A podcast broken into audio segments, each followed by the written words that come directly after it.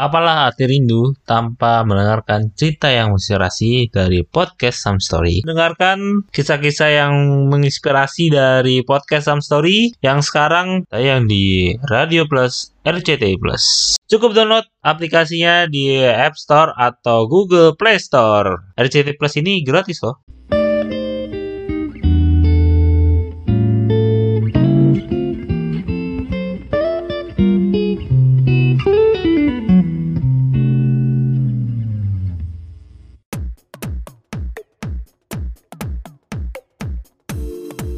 Halo, balik lagi di podcast Some Stories, sebuah cerita yang menginspirasi barengan gue Adam. Mungkin ya bagi Ukti Ahi yang mungkin nggak ngabut ria di malam minggu yang nggak tahu mau ngapain gitu ya. Ini bahasanya Ahi Ukti karena kita bahasnya nih lebih ke syariah ya atau muslim-muslim atau lebih ke arah sana. Jadi bahasanya kita bedanya per kalian nih. Kalian tuh nggak perlu khawatir lah kita bakal nemenin kalian supaya nggak kesepian ya di malam minggu ini gitu ya. Terus di episode kali ini kita akan membahas sebuah topik yang cukup menarik khususnya khususnya di kalangan teman-teman yang beragama muslim mungkin ya. Yang nggak non muslim juga bisa mendengarkan mungkin bisa nambah ilmu atau insight baru. Apalagi temanya ini tentang mungkin yang dekat dengan uti-uti gitu ya tentang fashion. Tapi kita pengen membahas ini dengan perspektif lain lagi dengan nanti ada seorang mahasiswi yang berkuliah di jurusan fashion dan juga satu lagi pemerhati fashion juga. Kita langsung kenalan aja ya buat yang mungkin bisa belajar-belajar lagi nih tentang fashion muslim gitu ya. Ada Vista dan juga Audrey. Halo.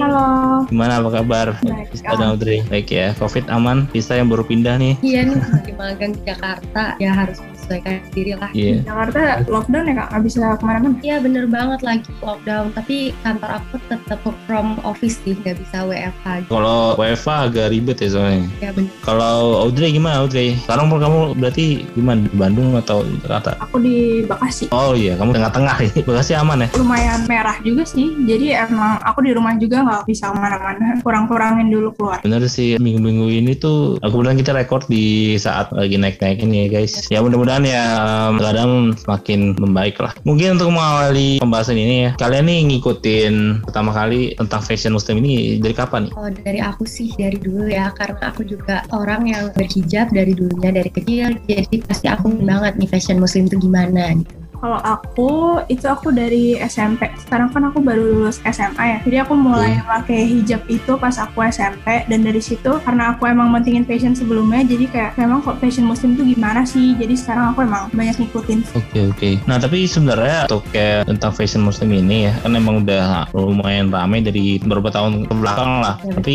kayak bahasan itu emang nggak pernah habis dan berkembang terus setiap tahun gitu kan. Mungkin bagi teman-teman yang muslim yang sudah mengetahui kriteria pakaian muslim itu sendiri gitu kan. Tapi mungkin ada nggak teman-teman yang non muslim dan tahu dengan tentang hal ini dan juga aware lah? Atau sebenarnya kriteria dalam fashion muslim bedanya dari pakaian yang konvensional itu apa sih menurut kalian? Kalau sebenarnya awalnya itu kalau fashion muslim itu pasti dari dulu ya banyak menerima pro dan kontra nih. Karena pasti ada pro dan da- juga kontra apalagi berhubungan dengan fashion suatu yang nggak pernah ada habis untuk eksplorasinya dikaitkan dengan muslim gitu fashion muslim. Dari kriteria sendiri kalau fashion muslim itu pastinya yang pertama itu ya menutup aurat tidak membentuk tubuh tidak memakai bahan yang transparan lebar dan nyaman juga sih pastinya dan tidak boleh menyerupai lawan jenis Menarik sih. Iya, iya. Aku agak apa familiar lah dengan kriteria itu sih emang rata-rata sih emang kalau aku lihat baju muslimnya panjang terus bahannya tebal-tebal agak tebal. Kalau menurut Audrey gimana? Menurut aku yang namanya fashion muslim ya yang jelas menutup auratnya itu sangat Hmm. transparan dan nggak membentuk tubuh. Benar kayak kata Vista.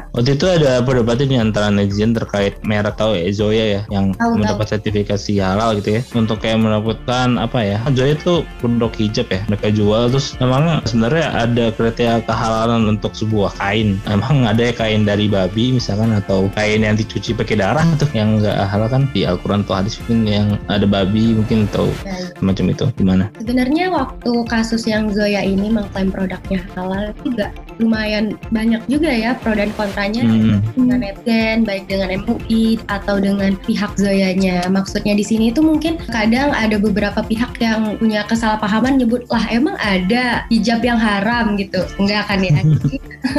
Jadi kenapa sih MUI itu ngeluarin halal buat produk Hmm. Zoya? Sebenarnya itu halal dari segi bahan dan materialnya gitu. Jadi memang diklaim produk Zoya ini halal dari segi material gimana? Jadi jika untuk material kain itu ada memang beberapa kain yang ketika proses pembuatan dan pencuciannya itu menggunakan bahan emulsifer dari minyak babi gitu. Emang ada Hmm. beberapa yang itu. Tapi kalau di Indonesia sendiri mungkin nggak banyak ya yang kayak itu.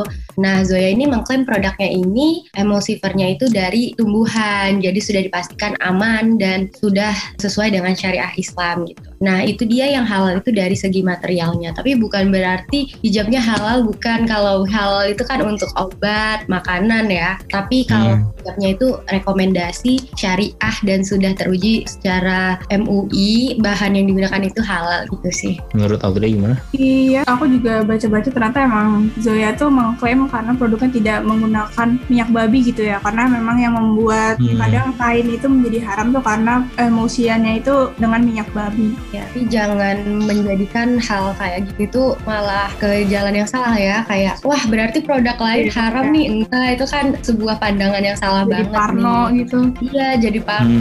Ambil aja sisi positifnya gitu. Itu emang Ah, jarang tapi- juga sebenarnya ah. yang menggunakan minyak babi ya. Iya, bener. Hmm, itu kan dari tumbuhan emang ada yang selain babi gitu zat-zat kimia yang tergantung haram gitu maksudnya selain minyak babi itu tadi atau emang kadang banyak juga selain minyak babi itu berarti dalam proses penyucian kain atau ada faktor lain yang bisa membuat itu jadi nggak halal gitu Eh, sejauh ini sih kalau aku tahu aku nggak ada ya. Yang membuat perdebatan halal dan haram ini dari pencuciannya itu ya dari gelatin babi. Di mana gelatin babi ini memang Hmm. di dunia ini banyak digunakan dalam beberapa nah kalau dibilang banyak manfaatnya ya gitu. Tapi ya itu tadi haram. Jadi sejauh ini sih itu yang diperdebatkan. Oke, sebagai muslim percaya gitu ya banyak hal-hal yang halal, yang haram, yang memiliki efek negatif tubuh kita gitu. Pakaian atau kain itu sendiri jika mengandung zat atau bahan baku, haram apakah ada efek samping ketika pemakaian gitu? itu pemakaian yang Nah, pemakaian. haram tadi Kayaknya karena emang itu dipakai ya, jadi di luar tubuh kayaknya nggak ada Iya, efek benar. langsung Benar gitu untuk banget. tubuh ya. Eh, Hmm. Sebenarnya sih kalau di bidang fashion ya, eh, yang aku dari yang aku pelajarin, efek yang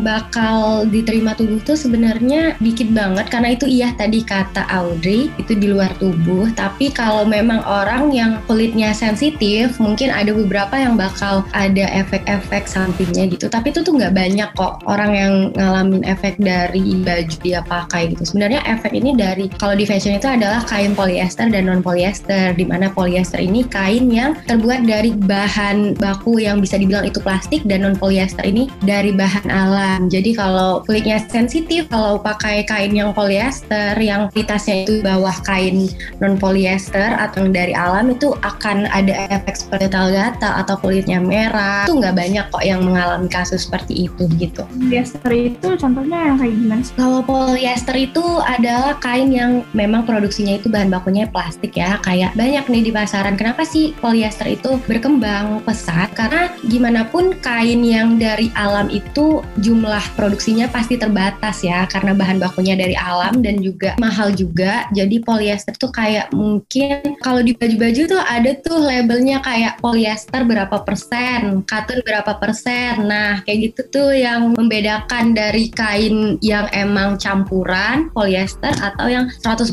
alam. Sebenarnya sih kalau untuk bedain kayak non polyester itu pasti ya lebih nyaman ya karena dari alam lebih dingin, daya serap nggak bagus yang non polyester. Oke, sebenarnya indikator tadi mungkin selain yang untuk membeli fashion muslim ini apa sih selain halal gitu? Penasaran kayak dari desainnya atau apa gitu? Sebenarnya sih kalau dari aku ya, menurut aku Hmm. kembali lagi ke pilihan orangnya masing-masing karena ini masih di ranah fashion. Fashion itu kan bebas ya, kayak Ya. sebenarnya gimana orang mau memperlihatkan dirinya ke orang lain, gimana dia mau berpenampilan. Jadi kalau di luar yang tadi menutup aurat dan ciri-ciri fashion muslim, terus dari materialnya juga itu kalau untuk pemilihan fashion mungkin senyamannya orang lagi gimana mau berpakaian gitu. Jadi kembali lagi ke pilihan masing-masing. Apalagi sekarang fashion muslim tuh berkembang banget nih pesat, secara pesat pasti pilihannya lebih banyak ya opsionalnya gitu sih Iya menurut aku yang namanya fashion kan memang sesuai diri masing-masing ya. Apalagi kalau fashion muslim Hmm. ya tergantung orangnya. Karena untuk menutup hijab itu kan proses masing-masing. Iya. Tapi makin ke sini yang aku lihat memang fashion muslim sih lagi naik-naiknya ya. Karena orang tuh untuk berhijab tuh lagi kayak udah banyak gitu sekarang. Apalagi di Indonesia kan memang mayoritas muslim ya. Jadi Iya. banyak yang berhijab. Jadi fashion muslim sekarang memang lagi tenar banget sih di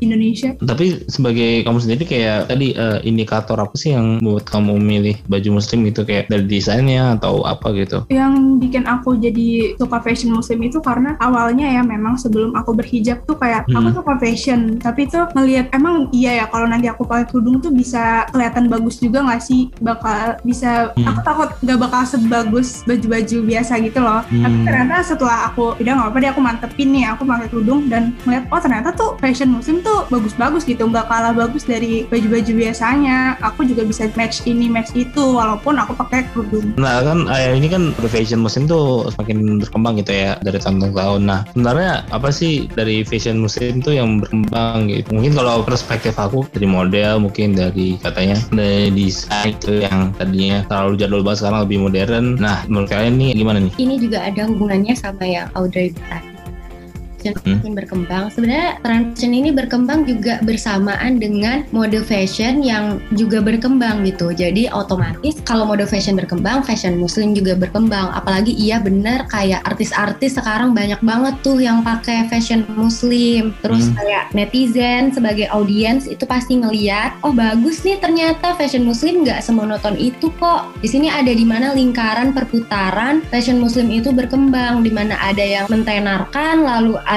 mungkin ada beberapa audiens yang awalnya ih apa sih fashion muslim? gitu nggak pernah kenal dengan fashion muslim tapi setelah lihat orang lain memakainya kok bagus? gitu malah tertarik sama fashion muslim gitu. Jadi ya itu lingkaran-lingkaran yang membuat fashion muslim makin naik daun sih sekarang. Apalagi sekarang dengan adanya TikTok ya banyak banget tuh Iya. pengaruh buat mode fashion muslim sekarang. Kayak belinya di mana nih bajunya? Pasti orang kepo ya kok bagus sih dia pakai gitu sih pasti. Hmm. dengan perkembangan fashion otomatis juga fashion muslim pasti berkembang secara pesat juga gitu. Apalagi kadang tuh fashion muslim tuh sekarang beneran dipikirin banget ya sama penjualnya juga. Misalnya ada brand dia tuh Iya. ngeluarin baju gitu model ini dengan lengan pendek gitu ya. Terus dengan model yang mirip dia ngeluarin oh iya nih untuk muslimnya juga bisa pakai. Dia ngeluarin yang lengan panjang menurut aku itu udah hebat banget sih. Jadi fashion muslim tuh beneran diperhatikan banget. Iya, juga fashion muslim itu sekarang itu tidak membuat batasan ya, tidak membuat kayak kalau mungkin kalau zaman dulu banget ya kayak aduh fashion muslim tuh kayak banyak banget nih batasan-batasannya. Kalau sekarang kayak baju apa aja bisa dijadikan fashion muslim gitu. Jadi itu sebuah fashion muslim itu tidak banyak lagi mengenai batasan tapi tetap sesuai syariah ya, tetap sesuai ketentuan-ketentuannya tapi karena berkembangnya fashion tadi juga, jadi jangan jadikan kata muslim, fashion muslim ini menjadi batasan seorang muslim itu untuk berkembang di ranah fashion gitu. Karena sekarang udah pesat banget, udah banyak banget nih pikiran orang-orang yang terbuka, juga banyak banget nih ilmu-ilmu dari penjual produk fashion, dari audiens, dari netizen, dari kalangan artis juga banyak banget nih yang udah membuka mata, membuka diri untuk ya nggak terlalu gimana gitu deh kalau membicarakan fashion Iya. muslim. Hmm, oke oke, dapat ya aku poinnya. Nah tapi dulu tuh ada isu terkait penggunaan him, himar atau jilbab gitu ya yang panjang atau gamis dan ada beberapa masyarakat yang belum teredukasi pakai yang sari ini gitu. Hmm. Terus mungkin nanti bisa ngambil ke saya gimana sih cara mengedukasi tentang pakaian ini gitu kan. Kamu kamu kalau penggunaan itu kayak lebih ke sorry, saya kayak lebih dulu ke nah, mungkin ini yang mungkin yang lebih ke bercadar atau yang benar-benar gelap gitu ya. Mungkin aliran kalau nggak salah namanya salafi kalau nggak salah ya. Bisa mungkin bisa dikoreksi yang tumbuh tebal gitu yang yang dikira teroris gitu ya. Nah, sorry banget ya bukan menjudge tapi emang banyak di kalangan gitu yang takut akhirnya memakai itu takut dikira macam-macam lah gitu dulu kayak. Nah kalau sekarang tuh gimana kan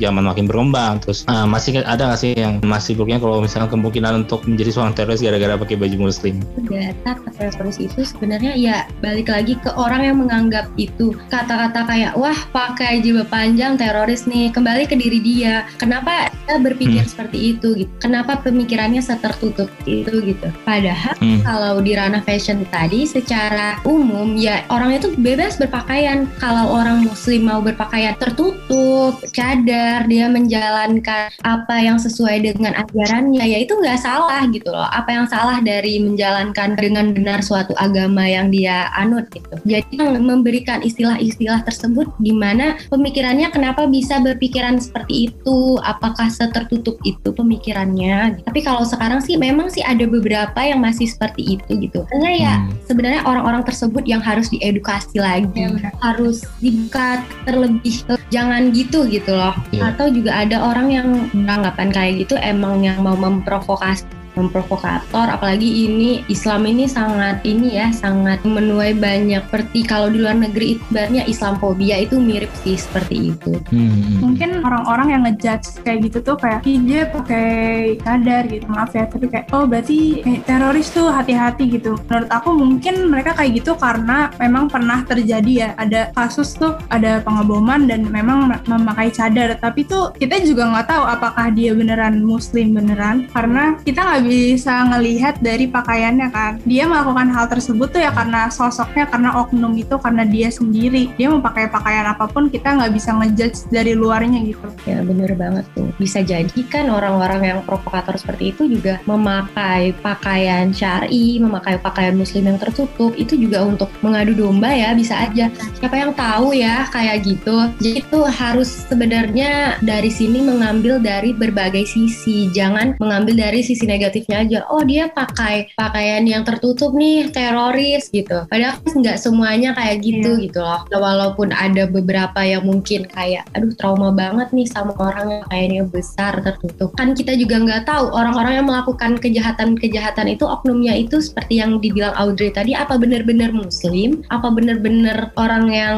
menjalankan syariah Islam? Bisa jadi kan dia menyamar juga gitu. Hmm, sekali lagi berarti kayak fashion ya kita bisa ngejat jangan dari cover berarti ya, memang kita juga nggak boleh menutup diri sih kayak hmm. mau denger pendapat orang lain gitu terus udah kayak merasa udah bener pokoknya ini yang membuat kejahatan nih orang-orang yang berpakaian syari ini hmm. kayak kayak gitu kan pendapat-pendapat yang sangat-sangat menutup diri dan tidak lihat dari sisi lain ya iya. jadi kayak hmm. berwawasan emang aja, gitu. kita tuh nggak boleh mensamaratakan gitu yang ngelihat dia pakai kerudung nih terus dia melakukan kesalahan terus kayak oh jadi orang muslim tuh diajarinnya kayak gitu padahal kan enggak. Iya nggak bisa mensamaratakan memang mungkin kita bahas mungkin di beberapa negara ya mayoritas muslim fashion muslim tuh sangat digandrungi lah. Dan bahkan udah banyaknya di mungkin di Indonesia juga sering banyak pergerakan busana gitu kan. Yang fashion show gitu kan khususnya fashion muslim contohnya gitu ya, ISEF Indonesian Syariah Economic Festival. Menurut bisa dan juga Audrey ini sebenarnya sektor fashion muslim ini bisa nggak sih bersaing di luar? Apalagi kan kita sebenarnya harusnya bisa jadi tuan rumah karena kita mayoritas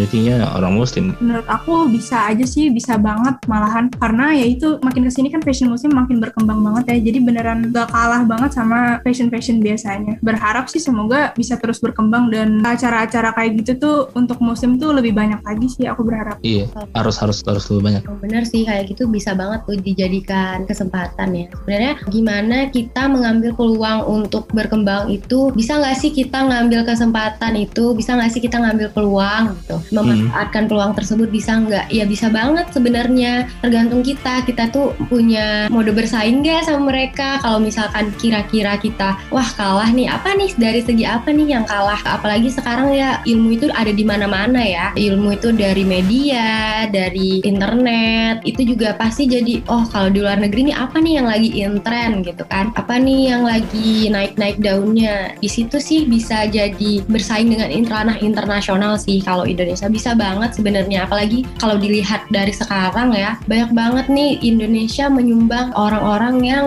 berpakaian muslim gitu. Banyak banget peminatnya. Jadi pasti bisa banget sih berkembang dan bersaing dengan ranah internasional tuh bisa banget. Tapi kalau misalkan ngomongin tadi ya kira-kira tren apa yang lagi hype di fashion muslim di lokal ataupun internasional nih? Yang mungkin bisa jadi kekuatan kita? Kalau di aku anak fashion sendiri gimana ngelihat sesuatu yang bisa berkembang itu kalau fashion ya melihatnya itu dari trend forecasting di mana kita itu bukan meramal maksudnya memperhatikan atau meramal juga iya tapi lebih tepatnya itu biar lebih tepat sasaran itu melihat dari lingkungan sekitar gitu. Jadi yang lagi tren di sekitar tuh apa sih? Kira-kira tahun depan apa nih trennya gitu ya. Tapi kalau di Indonesia sendiri juga karena banyak ya orang-orang yang mungkin kalau di luar negeri kayak di negara Arab yang tren itu abaya ya abaya-abaya. Oh, iya. kalau di Indonesia nih banyak kan variasinya Iya, kayak banget sih. dari gamis-gamis aja tuh banyak banget nih yang model begini, model begitu gitu. Iya. Banyak banget, iya.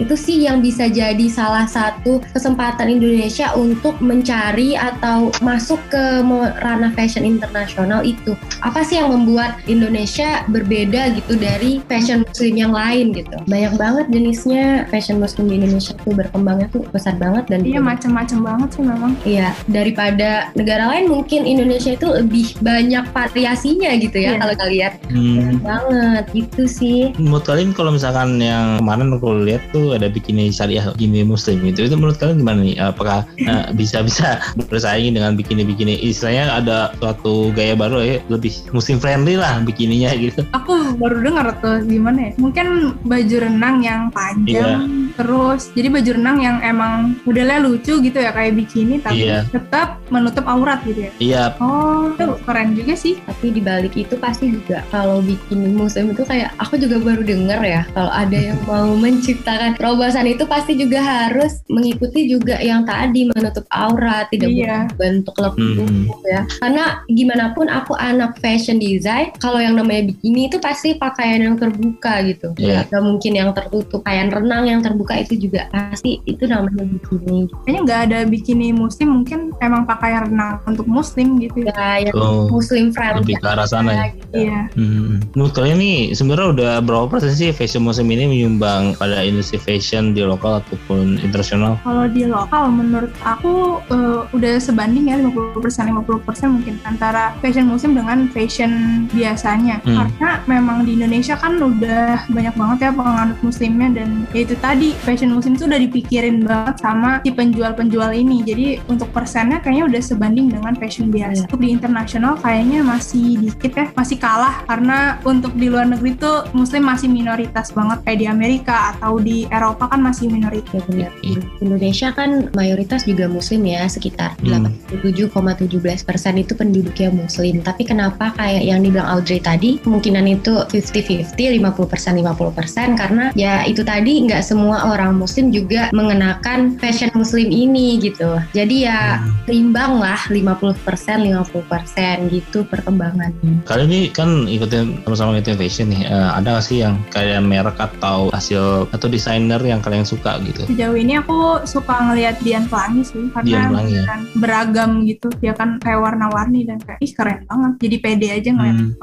Kalau aku tuh, kalau fashion aku tuh ya lebih suka yang kayak lebih ke fashion yang biasa aja sebenarnya. Misalkan kayak Hmm. karena aku juga menurut aku masih muda, aku masih kayak suka memix and match baju ya. Jadi kayak Hmm. mungkin baju yang dikiranya enggak enggak muslim-muslim banget nih, bukan gamis-gamis banget gitu, cuman jaket. Aku lebih suka mix and match kayak gitu sih. Kayak misalkan sama dari Zara, H&M atau merek-merek yang sejenis lah kayak gitu. Tapi kalau untuk desainer di ranah fashion aku yang bukan tentang muslim banget gitu banyak sih yang aku suka liatnya gitu. Apalagi anak muda nih pasti sukanya tuh yang yang desainernya bukan desainer sih kayak lebih baju-baju yang ready to wear gitu, yang friendly digunakan buat sehari-hari ya kayak outer, kaos, kemeja, lebih kayak gitu sih. Kalau buat aku dan Audrey pasti kayaknya sama deh taste fashion. Sama.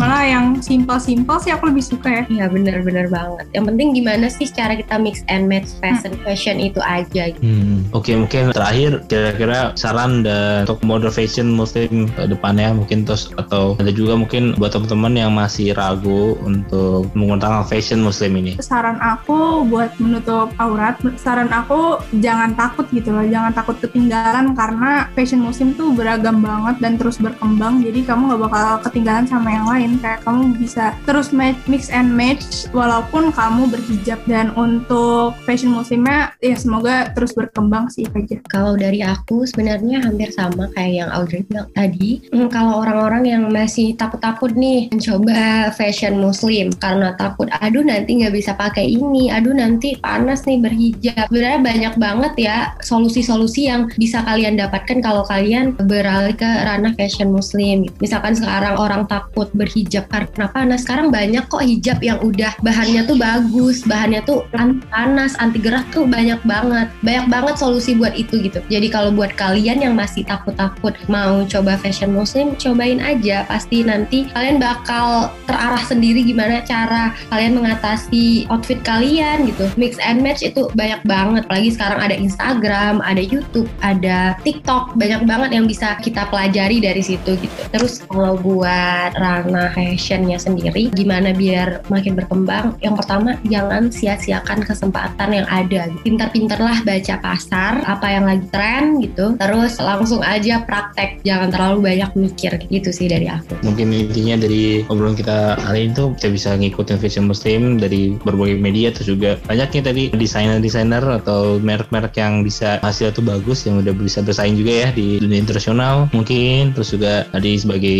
sebagai muslimah gitu ya bisa jangan takut dan karena bisa bisa mix image lah antara pakaian muslim juga pakaian yang lebih modern kayak gitu. Oke uh, keren banget nih obrolan kita episode kali ini. Gue berharap nih dari teman-teman ya cuman gue doang yang bisa dapat set baru nih nah dari teman-teman juga bisa dapat bisa belajar terkait fashion muslim yang lagi tren ya uh, berapa tahun belakang gitu ya. Thank you banget buat Vista juga Audrey ya yang udah menyempatkan waktu buat ngisi di podcast Sam Story. Benar-benar keren banget tadi perspektifnya. Kalau ada nih buat temen-temen yang masih pengen ngobrol-ngobrol atau kepo-kepo mungkin atau penasaran dengan Vista dan juga Audrey bisa sharing nih media sosialnya. Yang pertama aku mau ngucapin makasih juga ya buat Kak Adam yang udah ngundang ke sini untuk ngisi podcast ini. Kalau ada yang mau nanya-nanya bisa langsung ke Instagram aku aja at underscore cepek. Kalau dari aku ya tadi makasih banget ya buat Kak Adam yang udah ngundang kita buat ngisi podcast ini gitu. Dan semoga perspektif-perspektif kita tadi tuh bermanfaat buat orang banyak gitu. Dan juga bakal bermanfaat ke depannya. Terus kalau misalkan ada yang mau kalian tahu lagi nih atau kalian bingung sesuatu bisa nih tanya aku Instagram aku Vista Richard gitu. Makasih semuanya.